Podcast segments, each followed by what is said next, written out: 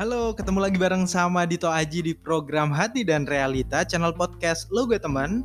Gue punya teman, lo punya teman, lo gue teman. Gue mau tanya nih, di sini siapa yang takut jatuh cinta? Ayo jawab. Ada beberapa orang di sini yang takut jatuh cinta? Waduh. sama kalau gitu ya jawabannya adalah sama Oke, kenapa kita itu mengalami takut jatuh cinta? Karena ada dua persepsi nih. Kalau kamu nonton misalkan ya um, di beberapa channel YouTube gitu ya, nyari-nyari atau di beberapa channel uh, podcast yang lain, jatuh cinta itu beban atau jatuh cinta itu membebani. Nah, mendengar kata itu saja kita sudah menjadi takut kalau beban. Karena apa? Kalau beban tuh pasti ada pressure kan. Nah, kalau pressure misalkan rumus fisikanya itu ya waduh jadi kayak ngomongin rumus fisika ngelantur ke mana-mana. Enggak tapi emang beneran. Kayak beberapa beban yang lo terima tuh harus disesuaikan dengan uh, apa namanya uh, pressure yang lo terima harus disesuaikan dengan berapa luasan yang bisa menangkap. Gitu.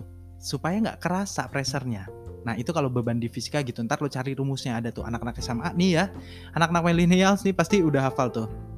Paper A ya Iya benar. Kalau nggak salah itu ya rumusnya. Nah, begitu juga coba kita terapin. Beberapa orang yang bilang kalau misalkan jatuh cinta itu membebani. Tapi ada juga yang bilang kalau misalkan jatuh cinta itu ringan loh gitu. Makanya kalau lagi jatuh cinta ngobrolinnya tuh yang ringan-ringan, jangan yang serius-serius gitu loh. Ringan-ringan aja, jangan yang kayak drama-drama. Nanti kalau ada drama-drama tuh jadi membebani gitu ya membebani kita ataupun memang baru kenal gitu ya. Terus tiba-tiba ngobrolinnya masalah drama-drama atau ya maksud gue kayak drama-drama kehidupan. Cobalah kalau misalkan kita tuh jatuh cinta gitu ya yang ringan-ringan aja. Itu ada dua persepsi sih. Nah kamu tim yang mana? Tim yang cinta membebani atau yang cinta jatuh cinta itu ringan nih sorry. Ntar karena gue pengen tanya gue pengen tahu nanti lu jawab di uh, di Instagram kita ya. Komen di Instagram kita. Apakah jatuh cinta itu yang satu apakah jatuh cinta itu membebani ataukah jatuh cinta itu ringan gitu. Nah ntar lo bisa jawab di situ. Gue pengen tahu aja sih kayak apa sih persepsi teman-teman yang ada semua di sini gitu ya. Lalu nggak perlu takut obrolin aja sama kita sama Dito Aji gitu sama Dito karena emang tak lainnya tuh begitu tuh obrolin aja bareng Dito gitu. nah karena apa? Karena hati kita kadang realitanya apa? Hati kita punya pilihannya A, tapi ternyata realitanya kita dapat B dan akhirnya kita susah untuk kehilangan gitu. Well itu nanti ya, another episode. Cuman uh, antara dua tadi, ketika kita uh, sudah berkonsekuensi untuk jatuh cinta, berarti kita sudah menerima akan ada pressure yang lain di dalam diri kita gitu. Nah, bagaimana kalau misalkan kita tuh nggak kenal sama diri kita sendiri, kita tidak mengenal diri kita sendiri, tiba-tiba ada cinta yang datang, terus kemudian terus kemudian apa? Terus kemudian kita nggak siap kok gue jadi black ya. terus kemudian kita nggak siap, akhirnya itu jadi pressure gitu, karena memang kita tidak punya sesuatu gitu ya ataupun tidak punya persiapan yang lebar ataupun yang luas. Tadi ya alasnya tuh harus lebar gitu ya. Dada kita tuh mungkin nggak rela gitu kalau kita uh, apa kurang lapang lah dadanya gitu untuk menerima itu. Jadinya ketika ada sesuatu yang datang di dalam diri kita dan itu kita tahu ada perasaan cinta perasaan ingin memiliki tapi ternyata itu adalah ego. Nah gitu. Hati-hati guys. Bedakan keinginan juga ego dengan sesuatu yang kamu butuhkan. Kalau misalkan kita sudah mengenal diri kita sendiri sebelum kita mau nerima cinta orang lain, harusnya itu nggak sesuatu jadi yang a big deal gitu. Ketika uh, kita sudah tahu, oh ini ego saya, ini keinginan saya, tapi ini kebutuhan saya, gitu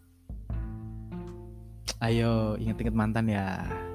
Jangan diinget-inget lah itu sudah lewat yang sudah gitu.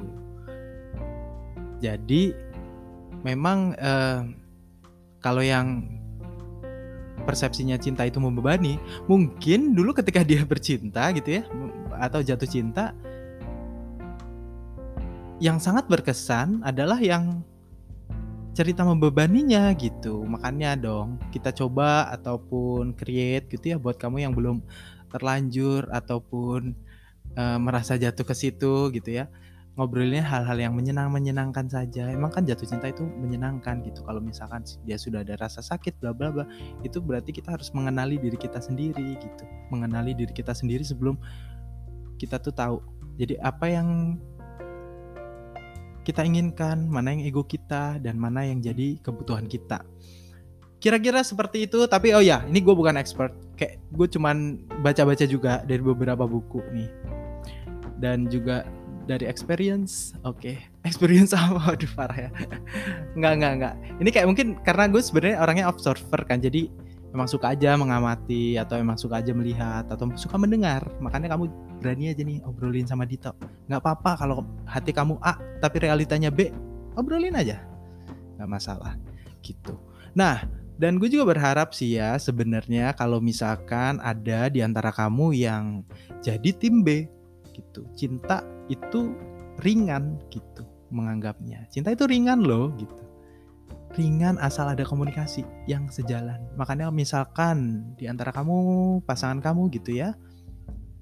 Ya komunikasi adalah satu, salah satu akses kan untuk kita salah untuk untuk kita mengenal satu sama lain tuh. Kalau tidak ada komunikasi, nggak punya jalur komunikasi, apalagi kamu udah ngeblok WA-nya mungkin, uh, Instagramnya kalau stalker, stalker apa stalking itu kayak nggak ada gunanya sih itu beneran membebani perasaan kamu saja trust me ya don't do that. Jadi kalau stalking tuh kayak gitu tuh.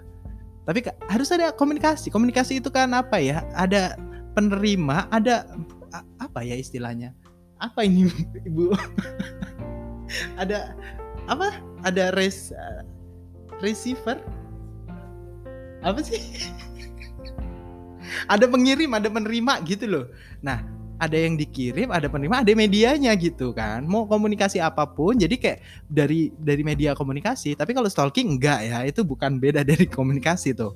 Jadi kamu harus bisa berkomunikasi. Gimana kalau misalkan pasangan kamu ngeblok ataupun misalkan uh, jalur komunikasinya ditutup. Jadi kan tidak ada pertukaran ide padahal mungkin dari diskusi gitu ya.